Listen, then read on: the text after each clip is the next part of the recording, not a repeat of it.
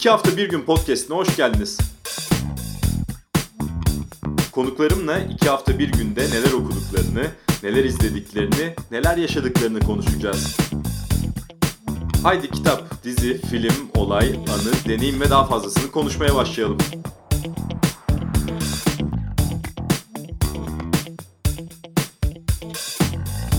Herkese merhaba. İki hafta bir günün yeni bölümüyle karşınızdayız. Başlamadan bir hatırlatma yapayım. İki hafta bir günü Power App'ten e, araçlarınızda CarPlay uygulamasından dinleyebilirsiniz. Ayrıca e, Power FM'de jingle'ları dönüyor. Yani trafikte veya radyoyu dinlerken e, duyarsanız şaşırmayın. İki hafta bir günün yeni bölümünde Türkiye'de klasik müzik deyince akla gelen ilk isimlerden biri. Andante dergisi genel yayın yönetmeni ve müzik yazarı Serhan Bali ileyiz. Serhan Bali ile neredeyse 40 yıllık bir filmi, klasik bir filmi konuşacağız. Amadeus'u. Serhan Bey hoş geldiniz. Hoş bulduk Burak Bey. Teşekkür ederim davetiniz için. Nasılsınız? Nasıl keyfiniz? Keyifler iyi diyelim. Ee, yoğun. Konser sezonu, işte konser opera sezonu başladı bizim için. Yani hareketli günler bizi bekliyor. Peki şunu da konuşalım o zaman girişte. Ee, koronavirüse alışıyoruz galiba. Yani aşılarımızda olduğumuz sürece biraz daha renkli ve sosyal bir e, sonbahar ve kış bizi bekliyor herhalde değil mi? Tabii yani aşı öncesiyle aşı sonrası durumumuz çok farklı. Aşı öncesi malum hepimiz evlerimize kapanmıştık. Hiçbir şey yapamıyor haldeydik. Sahne dünyası tamamen korona esir almıştı. E, ama aşıdan sonra artık tabii yine temkinli bir şekilde normalleşme yoluna girdik diyebilirim. Bu da tabii hepimiz için çok çok e, mutluluk verici. Çünkü çok zor durumlar geçirdi sanat dünyası biliyorsunuz. Özellikle müzik, müziğin her alanı. Şimdi sizle öncesinde konuşurken aslında uzun süredir konuşuyoruz bu programı nasıl yapalım, e, hangi filmi veya kitabı ele alalım diye. Ve sonunda Amadeus filminde 1984 yapımı 8 Oscar'lı Amadeus da e, Mozart'ın hayatını anlatan. Aslında Mozart'ın hayatını da e, başka bir biçimde yani onu öldürdüğü iddia edilen Antonio Salieri'nin gözünden anlatan. Hatta afişi şöyle tekrar baktım. Bir adam, müzik, delilik, cinayet, duyduğunuz her şey gerçek diye e, vermişler afişte. Gerçekten de çok görkemli bir film olduğunu düşünüyorum. E, neden Amadeus diye soracağım başta.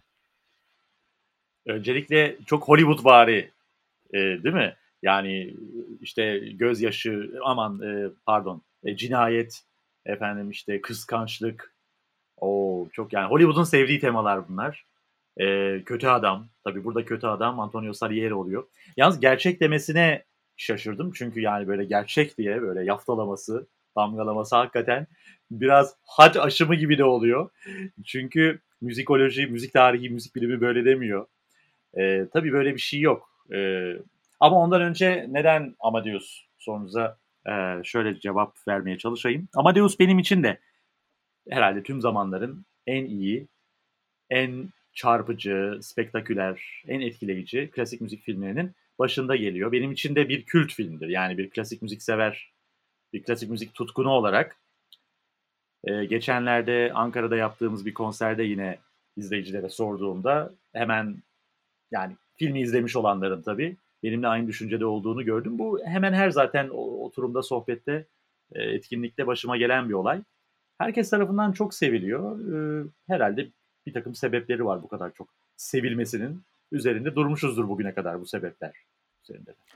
Şunu da konuşmak istiyorum. Tam konunun içine girmeden e, Hollywood ama özellikle de sinema sektörü aslında filmlerde müzik kullanmayı çok seviyor ve bu müzikler aracılığıyla filmi daha etkili, daha çarpıcı hale getirdikleri de bir gerçek. Özellikle de e, hatırlayalım mesela Godfather gibi filmlerde de klasik müzik ve operanın çok çarpıcı bir şekilde kullanıldığını biliyoruz. Cinayetler işlenirken aynı zamanda karakterlerin e, opera salonunda oldukları ve o müzik eşliğinde bunların yapıldığını.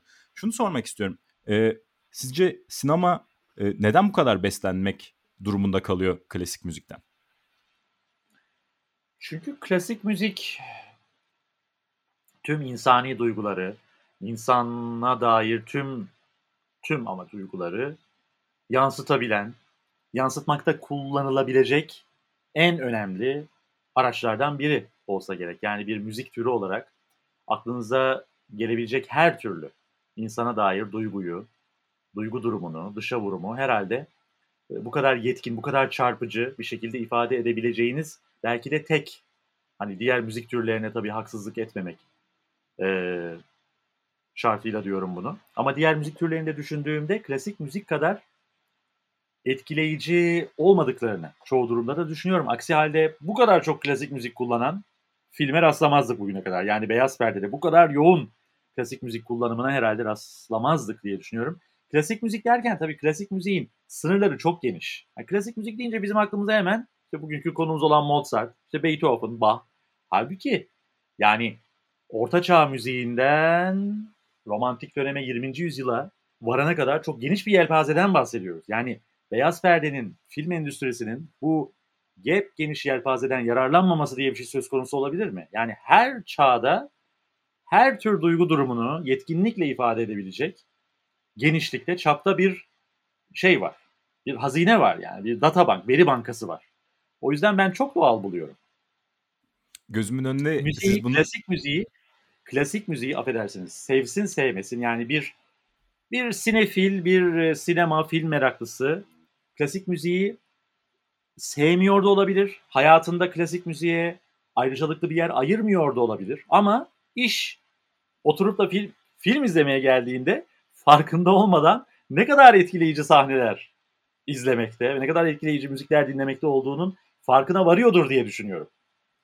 Gözümün önüne şöyle sahneler geliyor. Ee, saraylarda geçen yani Fransız, İngiliz saraylarında geçen filmlerde mutlaka değil mi? Dans sahnesiyle birlikte o sizin söylediğiniz biçimdeki e, klasik müziğin kullanımı vardır ve o da bir ayrı bir hareket sağlar filme. Dolayısıyla şuradan devam edelim isterim. E, Amadeus filminde müziğin kullanımını nasıl buluyorsunuz? Amadeus filminde tabii müzik, müzisyen başrolde. Yani gelmiş geçmiş en büyük, en önemli besteci, bestecilerden biri veyahut diyelim olan e, Wolfgang Amadeus Mozart üzerine bir film tabi tasarladığınızda onun biyografisine eğilen yani onun doğumundan ölümüne kadar 35 yılını işleyeceğiniz bir film yapmak isterseniz tabi müzik onun her yerinde olacaktır. Çünkü Mozart demek müzik demektir. Mozart'ın bütün hayatı müzikti.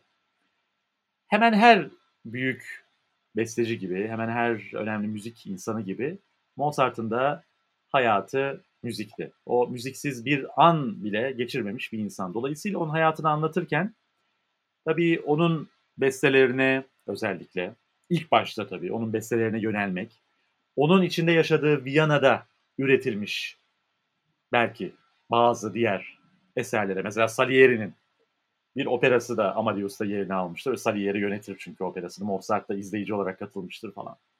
Tabii bunlar kaçınılmaz.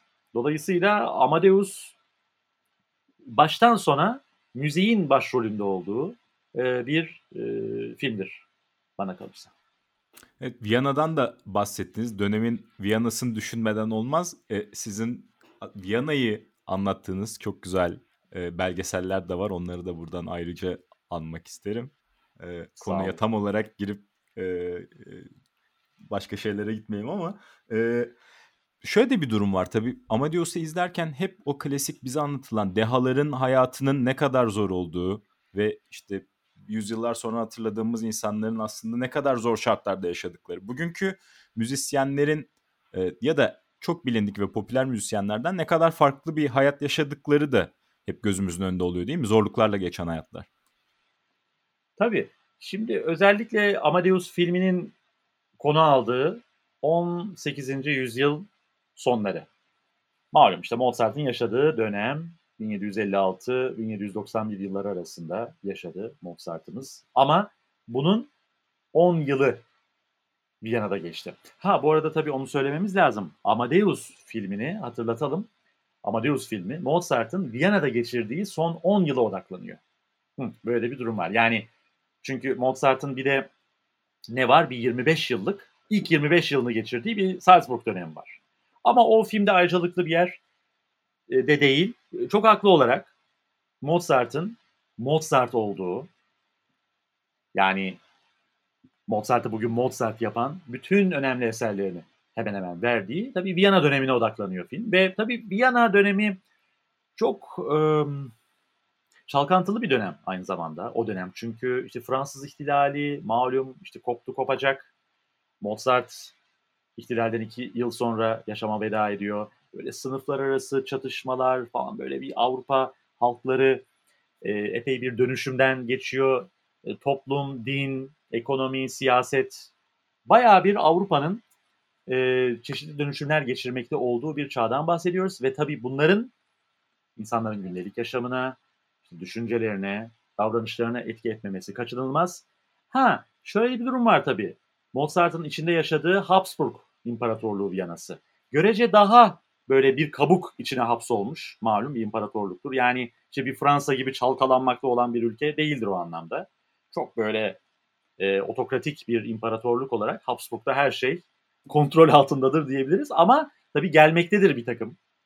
Fransa'dan özellikle mesela Figaro'nun düğünü e, operasını Mozart'ın hangi koşullar altında yazdığını biliyoruz. O eserin hangi koşullar altında ortaya çıktığı, Mozart'ın neden nasıl bu kadar bu eserden etkilendiğini, neden bu eserin sansürlenmek istendiğini falan filan. Yani bir takım şeyler de tabii ki gelmektedir, etkilenmektedir Viyana ve Habsburg ama görece daha rahat koşullarda e, çalışmaktadır Viyanalı besteciler o dönemde. Ama tabii e, sınıf e, a, sınıflar arası uçurum muazzamdır Mozart dönemi Viyana'sında. Mozart mesela sanatçının, bestecinin, müzisyenin kendi ayakları üzerinde durmaya çalıştığı, gayret ettiği ama bunu tam anlamıyla hala yapamadığı bir dönemde yaşamış bir besteci. Mozart'tan sonrakilere kısmet olacak. Mozart da uzun yaşasaydı, bir 30 yıl daha yaşasaydı o da e, meyvelerini yiyecekti, alacaktı bu statünün. Statüsünün yükseldiğini görecekti en azından. Bir Beethoven gibi veya diğer ilk romantikler gibi diyelim. Ama zor bir dönemdir. Yani Mozart'ın Viyana'da geçirdiği o 10 yıllık dönem çok ceremelerini çektiği, güzel yaşadığı ama çok muazzam zorluklarla da karşılaştığı çok çetin bir dönemdir yani. Filme dair en büyük eleştiriler Salieri'nin yansıtılma biçimiyle alakalı. Siz ne dersiniz bu konuda? Biraz haksızlık edilmiş mi sizce Salieri?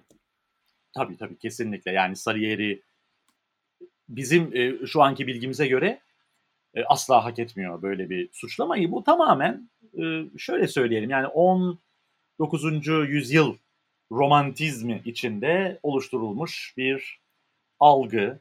Yani bir böyle dedikodudan, e, bir iddiadan yola çıkarak işte önce malum Rus yazar Alexander Pushkin tarafından bir teatral eser olarak ortaya koruluyor ve Salieri'nin hedef tahtasına oturtulması süreci başlıyor. Ondan işte çok çok sonra İngiliz oyun yazarı hatta şimdi Amadeus oyunu da oynanıyor malum İstanbul'da. Peter Schaffer bunu güzel bir şekilde tiyatro sahnesine uyarlıyor. hatta çok komik bir şey öğrenmiştim. Margaret Thatcher yaşadığı sırada bu Peter Schaffer'in Amadeus oyununa gidiyor. Orada sergilenen, sahnelenen Mozart o kadar onu şoka uğratıyor ki hani aman tanrım böyle bir Mozart kompozisyonu nasıl olabilir? Hani nasıl izin verdiniz böyle bir şey şeklinde hesap soruyor. Schaffer de diyor ki efendim diyor gidin tarih kitabına bakın böyle olduğunu göreceksiniz falan. Ee, çünkü Amadeus filminde hani belki konuşuruz çok delişmen böyle deli dolu e, sosyal kuralları hiçe sayan e, bir Mozart vardır karşımızda. Diplomasiyi falan hiç asla düşünmeyen. E, Salieri evet Mozart'ın rakibiydi. Bu, bu çok açık. Çünkü o dönemde Mozart'ın da çok şikayet ettiği bir İtalyan çetesi vardır. İtalyan müziği, İtalyan bestecileri çok revaçtadır. Viyana'da, Habsburg Sarayı'nda, İmparator II. Josef'in bunlar böyle çevresini kuşatmışlar. Başka hiç kimseye müsaade etmiyorlar. Mozart da muazzam dehasıyla tabii fark edilmiş bunlar tarafından ama bunlar komprador İtalyan, bu komprador besteciler katiyen Mozart'ın yükselmesine, sarayda bir görev almasına, e, ve Salieri de başta tabii kendisini tehdit etmesine müzikal bakımdan asla izin vermemiş. E, fakat aralarında yine de saygıya dayalı bir rekabet olduğu aşikar. Birlikte çünkü ortak besteleri bile var. Bu çok iyi bilinmez. Bir ortak şarkıya imza atmışlar. E, hatta YouTube'da aratılırsa görülür. Salieri Mozart işbirliğidir bu.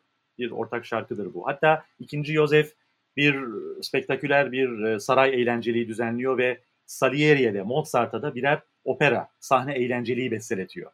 Hatta Schönbrun'un oranjerisinde yapılıyor bu. Oranjerinin bir köşesinde Salieri'nin diğer köşesinde Mozart'ın eserleri aynı esnada sahneleniyor. O zamanın eğlencelikleri.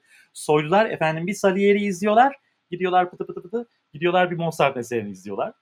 Böyle tabii ilginç hadiselerde yaşanmıştır. Yani olay asla kanlı bıçaklı bir seviyeye gelmemiş ama çok uzattım farkındayım ama bu Öyle neden lütfen. ortaya çıkmış? Ha, bu neden ortaya çıkmış? Tabii ki yani ateş olmayan yerden duman çıkmaz der ya atalar. Ee, Mozart'ın halüsinasyonlar gördüğü, geçirdiği, işte yaşamının son artık günlerinde beni biri zehirledi şeklinde bir söz söylediği söylenir. Konstanze'ye, eşine. Konstanze bunu daha sonra ilk biyografi yazarlarına aktarmış. Mozart'ı biri zehirlemiş olabilir şeklinde bir aktarım söz konusu. Hatta Beethoven'ın yine bu artık hiç duymadığı dönemde Beethoven'ın işte yardımcısı, yeğeni Beethoven'a soruyor. Diyorlar ki bakın o dönemde çıkmış mesela 19. yüzyıl artık ilk çeyreği sonu 1826-27 diyorlar ki Mozart'ı Salieri'nin öldürdüğü şayası dolaşıyor ortalıkta diyorlar Beethoven'a. Bu bilgi konuşma defterlerinde var Beethoven'a yazılan konuşma defterlerinden birinde. Yani böyle bir dedikodu, rivayet var. İşte buradan dolayı zaten Pushkin ve daha sonra bu işleniyor, işleniyor ve zavallı Salieri hedef tahtasına konmuş oluyor. ve yüzyıllardır da böyle hatırlanıyor. Şimdi ya, evet. delilik doluk meselesine gelirsek e, nasıl biriydi Mozart diye size sormak isterim. Filmde gösterildiği gibi mi yoksa yine filmde Hollywood vari eklentiler ve işte daha dikkat çekici olması yönünden birazcık e, abartı var mı? Tabii asla bilemeyiz. Şimdi e, yani bilebildiğimiz şeyler Mozart'tan geriye kalan, Mozart'ı tanıyanların onun hakkında yaptığı yorumlar, Mozart'ın ölümünden sonra onun üzerine yazılmış ilk biyografi kitaplarında yine onu tanıyanların bizlere o kitaplar vasıtasıyla aktardıkları. İşte bunlardan yola çıkarak tabii hem bir de Mozart'ın mektupları tabii. Onlar bizim için önemli e, tarihi vesikalar. Şimdi biraz deli dolu dediğim gibi e, sosyal o zaman tabii dikkat edilmesi gereken bir takım kurallar var malumunuz. Habsburg Avusturyası, başkent, Viyana, saray çevresi herkesin böyle son derece hani tabiri caizse kasıntı bir halde son derece ikili ilişkilere, e, insani ilişkilere dikkat ederek e, bir açık vermemeye çalışarak davrandığı, davranışlarına son derece dikkat ettiği, e, diplomasiyi uygulamak zorunda olduğu bir dönem. Mozart da diplomat olmak zorundaydı. Mozart da olmadığını tahmin ettiğimiz veya gördüğümüz diyelim en önemli sıkıntı e, diplomasiden yoksun olması ilişkilerinde. Yani bu, bu da neye sonuç veriyor? İşte Salieri ve diğer mesela o dönemde işte imparatorun çevresini almış olan e, çoğunluğu İtalyan e, besteci tayfasının şimşeklerini üzerine çekmesine yol açıyor. Yani onlara mesela asla yaltaklanmamış. Filmde o sahneler çok aslında güzel, vurucu işlenmiş. Mesela Salieri ile dalga geçmesi. Ha böyle bir şey oldu mu olmamıştır. Yani muhtemelen olmamıştır ama çünkü dediğim gibi Salieri'ye saygı duyuyordu. Nasıl saygı duymasın Salieri o dönemin ya biz şimdi bugünün çerçevesinden değerlendiriyoruz ama o zaman Mozart no name. Salieri asıl name olan o. Viyana'nın müzik kralı adam. Bir numaralı müzik yıllarını geçirmiş Habsburg'da. İmparatorluk madalyasını almış Hof komponist, saray bestecisi. Mozart'ın öyle bir figüre e, saygı duymaması mümkün değil. Ha ama e, evet yani alay etmeye belki varana kadar bir takım onu taciz eden davranışlarda bulunmuş olabilir. Yani alttan almamış Mozart. Yaltaklanma peşinde koşmamış çünkü yine karakterinin bir özelliği biraz arogan bir tavrı olduğunu, hiç kimseyi, kendisi dışında hiç kimseyi beğenmediğini, yeteneğinin sonsuz farkında olduğunu ve çok müthiş bir özgüven sahibi olduğunu bu anlamda mektuplarında özellikle görüyoruz. Babasına yazdığı mektuplarda falan filan. Yani evet, ha öyle maymun gibi gülüyor muydu? Ya, muhtemelen gülmüyordu ama belki de bilemeyiz onu. O biraz işte Hollywood vari efektler. Ee, tabii karşı çıkanların çoğu da biraz o yüzden karşı çıktı. Ne bu böyle dedi. Maymuna çevirmişler Mozart'ı. Hani bu klasik müzikte biraz e, bestecilere yönelik bir kültleştirme biliyorsunuz eğilimi. Tanrısallaştırma hatta vardır. E, onların gözünde tabii pek e, hoş makbul bir şey sayılmaz. O maymun gibi gülmeler falan filan ama e, böyle yani çocuksu hemen her e, müzisyen besteci gibi biraz saftır, naiftir besteciler, e, müzisyenler özellikle. Daha çünkü kendi içlerine kapanmışlardır. Müzik onları tamamen absorbe etmiştir öyle diyelim. E, Mozart'ın da mesela politikayla hiç ilişkisinin olmadığını biliyoruz. Politikayla tek belki ilişkisi Figaro'nun düğününü operaya uyarlamak. O konudan bir opera bestelemek oldu. Ha bir de siyasette de belki girebilir. Kendi besteci statüsü, sanatçı statüsünün çok farkındaydı. Yeteneklerinin hemen herkesten çok yetenekli olduğunu, üstün yetenekli olduğunu bilincinde olarak sayılmak istiyordu. Onore edilmek istiyordu. Hizmetçilerle aynı masada mesela yemek yemek istemiyordu. Bu onun için bir zuldü. Buna şiddetle karşı çıkıyordu. Ee, ama işte o dönem çok böyle geçiş dönemi. Yani çok çırpındı sayılmak için soylular gibi. Aynı Beethoven gibi ama Beethoven bir ölçüye kadar onu başardı. Soylularla kendisini böyle eşit konumlara getirmek konusunda. O bayağı e, bir çaba sarf etti ve karşılığını e, büyük oranda aldı ama Mozart'cığımız işte dediğim gibi az yaşadı. Maalesef o bu mücadelesinin karşılığını tam alabildiği söylenemez. Şimdi filmin sonlarında tabii Mozart'ın e, hayatının da sonları ele alınıyor ve filmin en etkileyici bölümlerinin de orası olduğunu düşünüyorum. O ünlü Requiem'i yazdığı dönem ve film bize şöyle yansıtıyor. İşte Mozart farkında olmadan kendisine ağıt yaz yazıyor ve ortaya inanılmaz bir eser çıkarıyor. Bu, bu çok etkileyici değil mi? Çok acayip bir şey bu. Evet evet yine Mozart'ın son döneminde işte bu Requiem'i kendim için yazıyorum tarzında Constanze'ye yaptığı, söylediği bir laftan yola çıkarak bu e, ne diyelim yakıştırma yapılmış. Sanki kendisi için yazmış gibi. Çünkü artık çok güçten düşmüştür, çaptan, gözden yani bayağı bir düşkün dönemidir. Ee, böyle söylüyorum ama tamamen de tabii gömmemek lazım. Şöyle ki aslında çok talihsiz bir insandır aynı zamanda. Yani o dönemde yine e, bir takım siparişler gelmeye başlamıştır. Hayatını incelediğimizde görüyoruz. İşte Avrupa'nın çeşitli yerlerinden beste siparişleri gelmiştir. E, Sihirli Flüt gibi muazzam bir gişe başarısı elde eden bir operaya, şarkılı oyuna imza atmıştır Mozart. Yani hayatının son döneminde aslında e, çok zor geçirdiği işte o döneminin sonunda çok zor geçirdiği bir 3-4 yılı vardır onun. E, işte 1787-91 tam işte ölmeye yakın. Çok hakikaten zor geçmiş. Borç üstüne borç almıştır falan. Ama son yılında kapılar birbiri ardına açılıyorken, açılacakken işte bu hastalık maalesef onu kötü yakalamış. Bünyesi de belli ki zayıf. Ee, şimdi çok e, kullandığımız bir tabirle bağışıklığı e, düşmüş olmalı. Çünkü gecesini gündüzüne katarak o filmde güzel sahneler vardır onunla ilgili. O sihirli flüte bir yandan çalışıyor, bir yandan Requiem'i bitirmeye çalışıyor. Allak bullak olmuş. E, karısı Badın'da kaplıca tedavisinde yani perişan bir halde, kendisine bakamaz bir halde. Bu bu o bu süreç onu çok yıpratmış olmalı. E, keşke onu bu süreçte kaybetmemiş olsaydık. Mutlaka çok daha muazzam şeyler yapacaktı. Ama işte bu kadderat ne diyelim.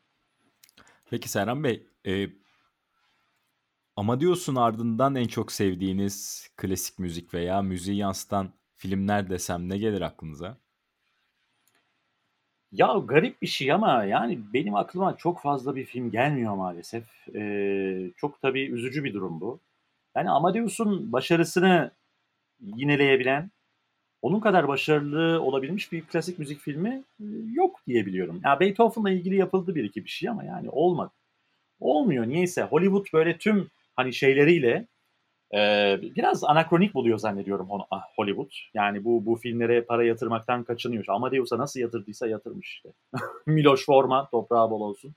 Ne iyi yapmış valla. Şimdi e, klasik müzik malum artık radardan çıkmış durumda biraz. Yani e, biraz niş bir kültür oldu. Eskisi gibi değil. 20. yüzyılda olduğu gibi değil. O yüzden hmm, stüdyolar, prodüksiyon şirketleri, yönetmenler, prodüktörler yani kolay kolay öyle klasik müzik temalı filmlere yatırım yapmaktan e, kaçınıyorlar. Büyük artistler, aktörler, aktrisler göremiyoruz. Büyük yönetmenler bu işin peşine düşmüyor falan. O yüzden yani ortaya çok böyle hani mediocre yapımlar çıkıyor. Sevemiyorum yani. Ha bir dünyanın tüm sabahları bir kült filmi olmuştu o da. O da böyle karanlık bir Fransız filmi ama e, o da yani bizi bayağı bir etkilemişti. Ben dahil pek çok klasik müzik severim. Ha bir de e, Haneke'nin Piyanist filmi. O da çok e, garip bir filmdi. Çok vurucu bir filmdi. Evet. Zaten kitap çok e, vurucu. Yani filmi de hakikaten Haneke elinden çıktığı için tabii. E, çok çok iyiydi orada. Senem Bali çok Bekliyoruz teşekkür ederim. valla. Daha daha Evet. e, Amadeus'un e, kalibresinde, kalitesinde ya işte Dünyanın Tüm Sabahları, piyanist kalitesinde filmler bekliyoruz. Bakalım inşallah çıkar bir gün ortaya. Bakalım çıkma ihtimali olabilir. Çok teşekkür ediyorum. Acayip keyifli bir sohbetti. Çok sağ olun. Ben çok teşekkür ederim. Amadeus deyince biraz çenem de açılmış olabilir. Kusura Ay, ne kadar güzel. çok sağ olun. Görüşmek üzere. Görüşmek üzere.